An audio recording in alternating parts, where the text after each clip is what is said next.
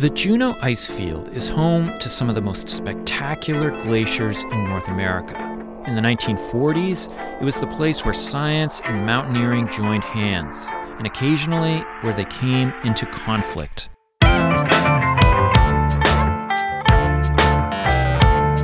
It's time to eat the dogs. I'm Michael Robinson. Today, Dani Inkpen talks about the links between glacial science and mountaineering after World War II. Inkpen is an assistant professor of history at NYU Gallatin. She's the author of The Scientific Life in the Alpine Recreation and Moral Life in the Field, published this year in the History of Science journal ISIS. Dani Inkpen, thank you for talking with me. Oh, no, thank you for having me. So, in the 1940s, there's this new interest in glacier science, not only among scientists, but actually among the military as well. I was wondering if you could explain what's what's happening. Yeah, sure thing. Um, so, the 1940s, uh, like you say, is a time of change for the study of glaciers. In North America specifically, a lot of these changes were already anticipated uh, in the 20s and 30s by European glaciologists, people working in Scandinavia and people working in the Alps. But they kind of took a little bit of time to make their way over to North America. And they coincided, like you say, with this rise in military interest in places that are frozen, right? So um, this makes a lot of sense after uh, the Second World War, when the Cold War is just beginning to uh, start up, and you know Americans and Canadians are worried about the p- potential for a Soviet attack from the north because, of course, that's the quickest way to North America from the USSR. Mm-hmm.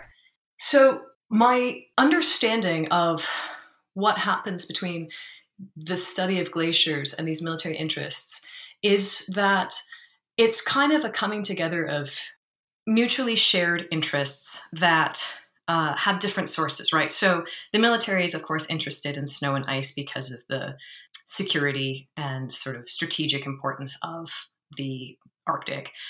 But glaciologists mm-hmm. are interested in snow and ice from a sort of precise technical aspect simply because they realize that the techniques that they were using prior to this weren't giving them the kinds of answers we weren't giving them good explanations of why the ice was doing what it was doing, why glaciers were fluctuating the way they did, um, and so they real they turned to these sort of more physical methods. And of course, you know the precision of physics and the precision of the military come together really nicely, and you get this new way of doing glacier study uh, in the late 1940s. You had uh, in the late 1800s uh, a number of people becoming interested in glaciers, but these techniques that they're using right after World War II are quite different. Yes. So, uh, I mean, when people think about the history of glaciology, people often, or if, when they think about it with respect to the North American context, often we think about someone like John Muir. Uh, and he's a nice example of the sort of natural historical approach to glacier study. Um, and in some ways, even in his own time, Muir sort of going out, observing, collecting, and comparing approach is eclipsed by people who are trying to do that more rigorously. But yeah, the 19th century is characterized by this kind of approach to glaciers where, you know, things like photography and surveying are sort of the primary methods um, that they're using to study the ice. And in the 1940s, you have a proliferation of new techniques. You've got um, crystallography, so analyzing, you know, the structures of ice crystals. You've got um, deep cores that they will drill down to the bottom of the ice in order to sort of, you know, then insert a tube whose deformation can be measured in order to see how the flow dynamics work vertically throughout the glacier. You've got all of these new techniques that they're exploiting in order to understand the glacier as sort of a physical object as opposed to this, you know, sort of natural historical object that fluctuates and that you just observe and kind of make notes on. And was that the uh, focus of the Juneau Icefield Research Project, which you talk about in your article, this project from 1948 to 1958? So, yeah, the Juneau Icefield Research Project for me is a turning point in the history of glacier study in North America. It and the somewhat concomitant Project Snow Cornice were these two attempts to um, bring the kind of techniques um, that Europeans had been working on for a while to North America. And what they did was, you know, they camped out on a glacier for extended period of time and took measurements of that glacier. So, like I said, drilling, um, taking snow samples. They did strange things like pouring dye huh. on the top of the uh, ice so that then they could measure how much was coming out and get a sense of how much water is flowing through the glacier. And this is really different from the kinds of stuff that was happening before, where you know you had sort of naturalists going to various glaciers and you know traveling there by foot or by boat, taking photographs, repeat photographs over course of time, and then comparing them and surveying the shape of the glacier, right? Those people were typically not staying on the ice for any considerable length of time. They were kind of, I'm here, I do my measurements, I, you know, take my observations, and then I go off to the next glacier. By being on the ice for weeks at a time um, and taking these different kinds of measurements, I think that the Juneau Icefield Research Project and Project Snow Cornice are a different kind of ball game. Mm. And also, a very interesting thing about your article is you show the ways that the personnel of this Icefield project are they are scientific personnel, but so many of them come from a mountaineering background, and that plays a really important role in your article. I was wondering if you could talk about uh, the personnel and their connection to mountaineering. Yeah, certainly. It doesn't take very much of poking through the archives on this subject to notice that there are a lot of mountaineers.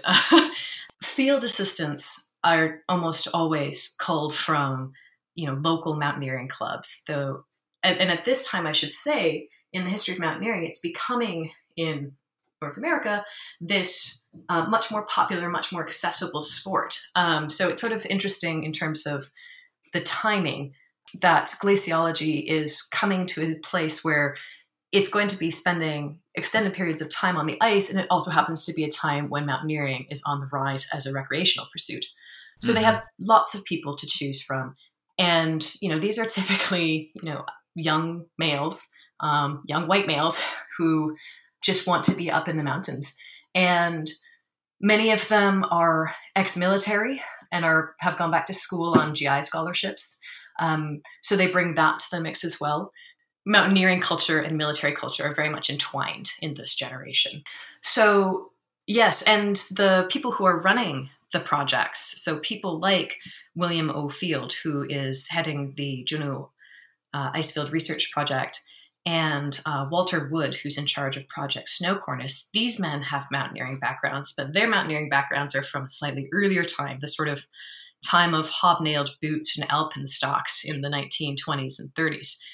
So, you know, they might not be actively mountaineering as much anymore, but they certainly are enmeshed within those communities and have that experience that they're bringing. And their love for the mountains is often what brought them to glacier study to begin with as well. Yeah. As the um, Icefield Research Project starts, uh, there's a conflict that takes place between the director of the project, Mal Miller, mm-hmm. and a climber who, who, subsequently became quite a famous climber, Fred Beckey. Yeah. What was the problem between these two men? Ultimately, I think it's one of ego. No, um, but uh, isn't it always right in exploration? Yeah, indeed. So yes, so Fred Beckey is at this point already kind of an audacious climber. He is uh, making a name for himself as a person who is kind of everywhere. Um, there's a really great quote in one of, I think it was the introduction to one of his books, where someone says, you know, Beckey is the guy every mountaineer worries about when the latter thinks he's reached a place no one else has seen hmm. before. Yeah. So Beckey is climbing things that people didn't think were climbable. He's climbing all of the time and uh, and he's making a real name for himself. Is he climbing by himself, or does he have a team? No, he has people he climbs with. He doesn't have a team. Beckey is never was never much of a team climber. He goes on a couple of expeditions in the mid century, I think in the 60s or maybe the late 50s. But he typically his MO was to find climbing partners, do a climb with them, and then be done. And maybe he'd climb again with that person, maybe not. But no, he's uh, he's usually got partners. Uh, his first was, I think, his brother. But so he's so he's this big personality in the mountains. Everybody at this point knows who Fred Beckey is, and he is looking to do some climbing in Alaska, and he's looking to do it near where the Juneau Icefield Project is setting up. And Mal Miller gets wind of this, and Mal himself uh, is a climber. He comes from kind of a similar background as Beckey. Both of them are from the Seattle area. Both of them started climbing at a young age. But Mal Miller, uh, you know, he is he is much more of a sort of conventional climber for the time. He is able to climb on teams and willing to climb on teams. Um, he's a member of some of the more established mountain clubs, so the Harvard Mountaineering Club, the American Alpine Club. I should say Beckey was a member of the American Alpine Club as well, but he's always got this kind of lone wolf persona to him, whereas Miller is very much a club man. And Miller gets wind of Beckey being on the ice field, and he begins to worry that there's going to be some confusion. If Beckey's on the ice field climbing things, one, there's the worry that Beckey's going to take away his field assistants to go climbing. Um, and two, there's the worry that Beckey's exploits are going to be c- confused with uh-huh. uh, what they're doing on the Juneau Icefield Research Project. And he doesn't want that because his military funders, the Juneau Icefield Research Project, is funded by the Office of Naval Research they have specifically said to him, You're not supposed to be climbing on this trip. Like, you're supposed to be doing research. That's what we're giving you money for. So then Miller says to Beckey, You know, I'd really appreciate it if you just didn't climb there this particular summer. And, you know, there's a couple letters back and forth, and it seems that Beckey is willing to grant Miller this request.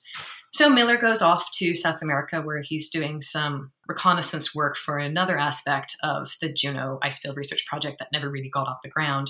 They were going to have a southern hemisphere aspect of it. Uh-huh. But uh, so he's down in South America, and when he gets back, he finds out that Beckey's changed his mind, and Beckey's actually heading for the Juneau. And once he's on the Juneau, he, you know, there's some run ins on the ice and there's some confrontation, not directly between Mal and Beckey, but um, between, you know, Beckey you know, shoots his mouth off, to put it bluntly. And um, he defames Mal Miller and says, you know, this sci- supposedly scientific enterprise is actually just a cover up for his mountaineering ambitions, and this is all just pseudoscience. And it's funny to think, you know, like, why would Mal Miller and William O. Field back at the American Geographical Society care about this climber shooting his mouth off? But they do care. Um, and part of the reason for that is, like I said, that the kind of research that they're doing on the Juneau is new for North America and it hasn't really proven itself yet. So, you know, it could be easily mistaken for something pseudoscientific that really is just a cover for Mal going up into the mountains and climbing. Um, so it does hit him in a vulnerable spot. Yeah, I was wondering um, about that concern of Mal Miller's that you know he's up doing research with his team, and Beckey is coming along with a separate team and he's worried about them being confused and i was thinking like mm-hmm. is that a real concern i mean i, I mean there's all kinds of uh, i mean let's say in polar exploration there's all kinds of situations where you have multiple expeditions on the ice doing different mm-hmm. things and i was thinking like is the military really going to conflate you know the the head of this research project with the dude who wants to climb Devil's Paw. you know? um, do you think that was a real concern of Miller, or do you think he was uh, creating a straw man? I guess. Yes. So there is, there has always been a part of me that has kind of been suspicious that Mal Miller was creating a bit of a straw man, but I did find evidence to suggest that these things could be conflated. I think it was in a edition of the Harvard Mountaineering Bulletin, wherein quite normally, you know, scientific expeditions were reported alongside climbing expeditions. And there was an instance where these two things were conflated in that publication. And, you know, it's not unique in that respect. Like a lot of mountaineering publications will be putting expeditions right next to scientific projects. So I don't know. There is definitely there's reason to think that there could be confusion uh-huh. uh, when it comes to the reporting of Beckey's ascents. And if Beckey does, you know, if he was successful in, you know, seducing um, some of the field assistants to come with him, well, then, yeah, you've really blurred the line between Beckey's Yeah. climbing exploits and the Juneau Icefield Research Project. So I think Miller had some reason to be concerned. I don't know if he needed to be as concerned as he was. Um, and so, you know, in the paper, I'd I say something along the lines of, you know, we can't rule out the possibility that indeed Miller did just want to keep Beckey out of there because he wanted to be the first one to climb Devil's Paw and the other peaks that had not been climbed in that area. But I, at the end of the day, I give him the benefit of the doubt Uh-huh. that, you know, he was genuinely concerned and that there was some reason for that. One of the things I found really interesting about your article was you talk a lot about codes of conduct, a kind of mountaineering ethics that is very important back then as well as now. And that one of the ways that you could describe mountaineering in this period of time is one of restrained competition between different groups. I was wondering if you could talk about that and how it plays out in this uh, controversy. Certainly. I'm borrowing restrained competition from the mountaineering historian uh, Joseph E. Taylor III. And the idea behind restrained competition is actually quite amenable to both, I think, the scientific enterprise and um, as well as mountaineering. And it's the idea that you know individuals are competing with one another uh, for first ascents or say first discoveries. Um, so there's a there's a priority dispute kind of always waiting in the wings. And yet, the way in which they're competing is restrained by codes of, in this case, gentlemanly conduct, Uh-huh. uh, which themselves date back to the 19th century. And this idea of the Victorian mountaineer as a gentleman who climbs in a particular way, who lives in a particular way. And this filters down through the 20th century in different ways. But um, the idea that there's a friendly and always restrained competitive edge is central to climbing throughout.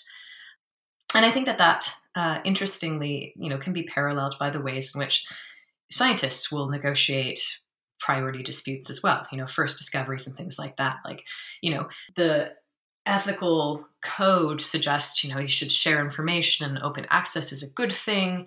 While at the same time, everyone's trying to be the first to do X, Y, or Z. Yeah. It's a very similar thing with climbing. So, in the particular case I look at, Fred Beckey thinks that Mal Miller should share the knowledge that he has of the Juneau ice field to, with other mountaineers um, because there is just this idea that mountaineers share information with one another as a matter of ethics. Uh, but on the other hand, you know, Mal Miller thinks that once he's done the initial legwork, scoping out the area, that he has a first right to climb anything. And you know, these these ideas are ethically charged, but they're fuzzy. You know, it's not a written code that's you know a set of rules that people follow. It's it's general sort of ethical precepts that are somewhat flexible, but as a result of them, you know, these two come into conflict with one another.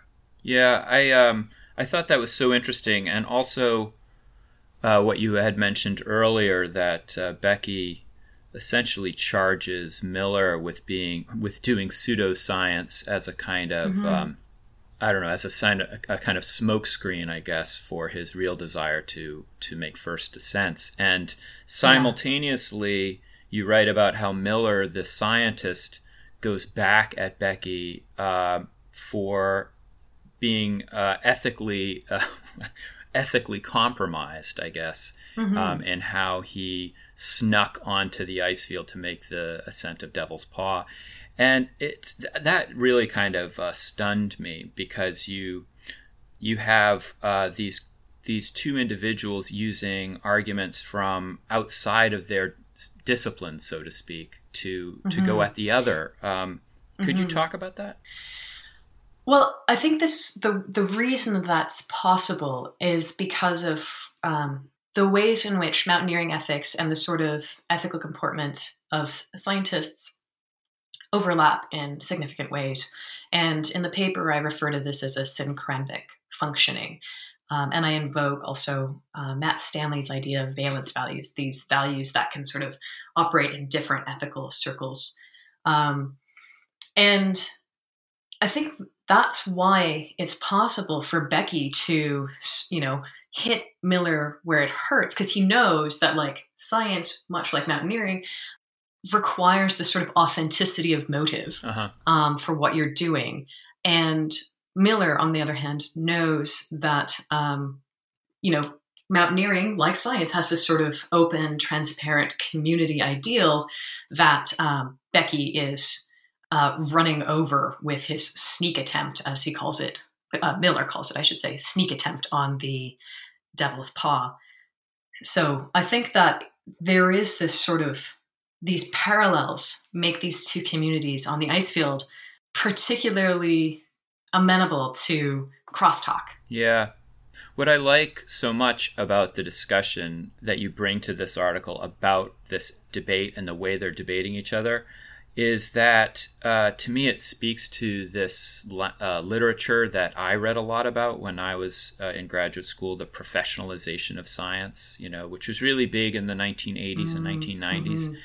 And a lot of it there the kind of the storyline for a lot of this literature went like this. Science was kind of this gentlemanly pursuit and people did it as this you know avocational thing for a while. And then in the late 19th century mm-hmm. groups of people primarily white men tried to professionalize it. And the process of professionalizing it meant that you erected um, professional barriers to other people that you then identify as amateurs. Uh, and so it's all about wall building. Mm-hmm. And what I found so interesting and refreshing about your discussion about these two groups, granted, it takes place at a later time, but is that you're saying no, actually, these scientists come to the field already wearing different hats, and that they bring they bring those things mm-hmm. with them I don't know if you have any thoughts about that. Mm-hmm. Uh, yeah, no, I mean that's kind. Of, I think I was very. I tried to be very careful in writing this so as to not use the word professionalization yeah. because that's precisely the sort of thing that I am thinking differently about. Uh, it is not, to my mind, from you know not just this instance, but in my other research in the history of glaciology, it's a much messier story than this sort of naturalist to professional scientist. Yeah. Now, of course, there is, you know, there are certain kinds of trends, right? Like this increasing techni- technicality, um, you know, the idea that glaciology finally becomes something you can study in university uh, is new in the mid century. So there are changes, but there is still this sort of blurring between vocation and avocation all the way up to the present. Hmm. If you talk to working glaciologists now, many of them, you know, come to their profession out of a love for the mountains that is cultivated through climbing or through some kind of outdoor activity. So, yeah, I think that the avocational and the vocational are sort of intertwined throughout the 20th century. And that's one of the things I was trying to get at in this paper. Do you think, um, I mean, one of the kind of discoveries I made kind of late, I guess, in my polar research was that, you know, science for a long time has been gendered very male, especially in the 19th century. Mm-hmm. But one of the mm-hmm. things I kind of felt reading about, let's say, scientists who are interested in the polar regions was that they were actually doing outside work, I think, in part uh, to take on the, the mantle of manly outside work. Because mm-hmm. although science gendered male, it was not seen as particularly manly. Uh, there are a lot mm. of uh, critiques of scientists as being these bookish, nebbish, uh, you know, live in the lab type people, especially mm-hmm. in the beginning of the 20th century when this kind of Teddy Roosevelt rugged, manly, strenuous life mm-hmm. view of uh, men kind of hit its zenith.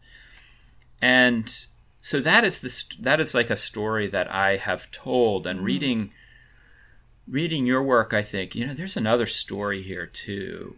It's a very male story.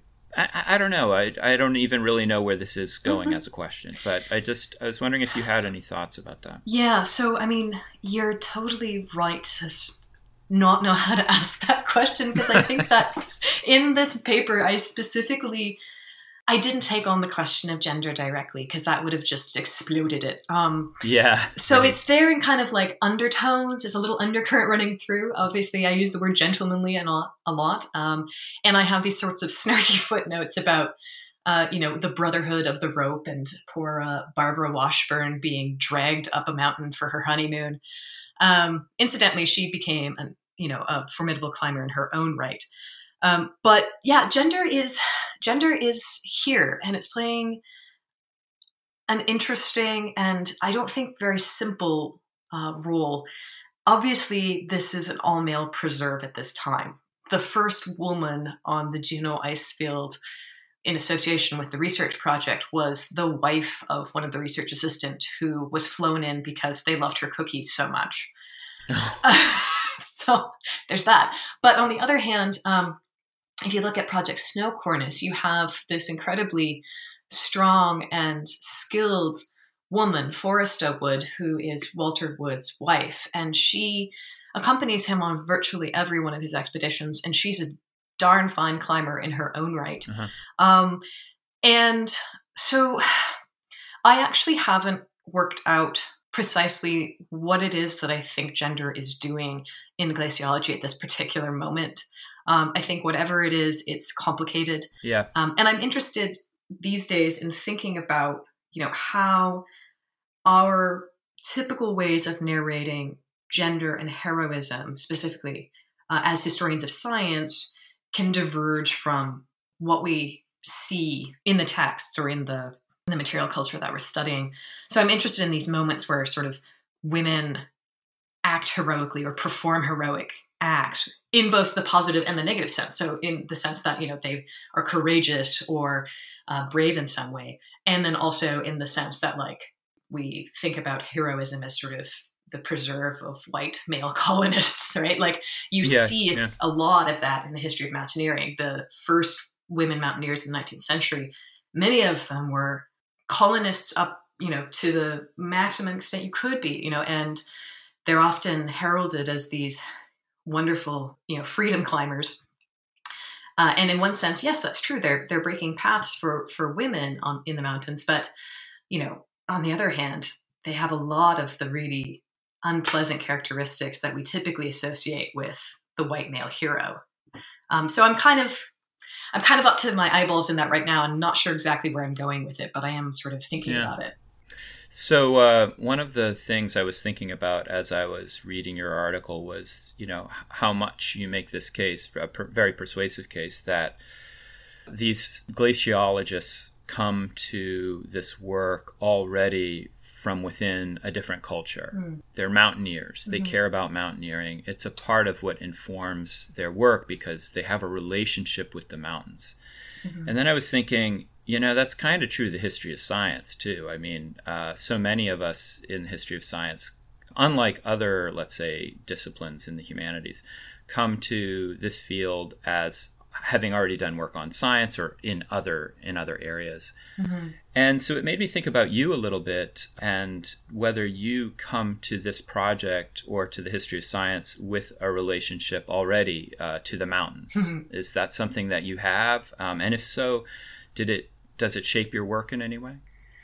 Uh, yes, is the short answer. Uh, I grew up uh, not terribly far from the Canadian Rockies. It was about a three hour drive, so you could do it in the morning and ski for the day and drive back, kind of thing. Uh, and my father was a mountaineer, and I spent a lot of time as a young person in those mountains. And um, yeah, I absolutely have a connection to mountains and specifically those ones. And it was when I was in my first year of graduate school, um, and I had entered uh, my PhD saying I was going to do a project on, I think, the history of science journalism. Uh-huh. And, you know, I've gotten through the first semester. I'm in the second semester and feeling pretty miserable uh, and wondering why am I doing this? And uh, I think, I can't remember the venue, but Steven Shapin gave uh, kind of just a, we had a all of the first year graduate students were having a conversation with Steven Shapin. And I don't know what prompted it, but he said something to the effect of if I could do it all over again, I would say, study what you love. And huh. it was like a light bulb for me. yeah. Uh, like those little cartoons where it just pops in over your head. And I thought, wait, I'm just beginning. I actually have a chance and an opportunity to steer this wherever I want. And yeah. so I think I spent, I don't know, the, well, the, the next semester in the summer kind of pondering, like, what do I really love and what am I inspired by? And I couldn't think of anything that I loved more than mountains and snow and ice. Um, and it was nice because at that point, there wasn't a ton of people working on the history of glaciology. So I thought, oh, here's a great, big, wide open field. I mean, there's more people now, but that initial choice of research topic was fueled by by a love for the topic. And I don't know how many other historians of science that's true for. It's something that I'm interested in. You know, I kind of like to squirrel away little stories like that when someone tells me, you know, that they got into studying what they do because they love, you know, the topic so much. But yeah, this this project did make me think a little bit about our own relationship to what it is that we study. And I think you're right. A lot of people come from a science background and love the science. Um, for me, it's you know I I like all the glaciologists I've met. Uh, I have I like glaciologists generally, but um, it is a love of the mountains that first mm. prompted this work. So, Dani Inkpen, thank you so much for talking. Oh, thank you so much, Michael. This has been lovely. That's it for today.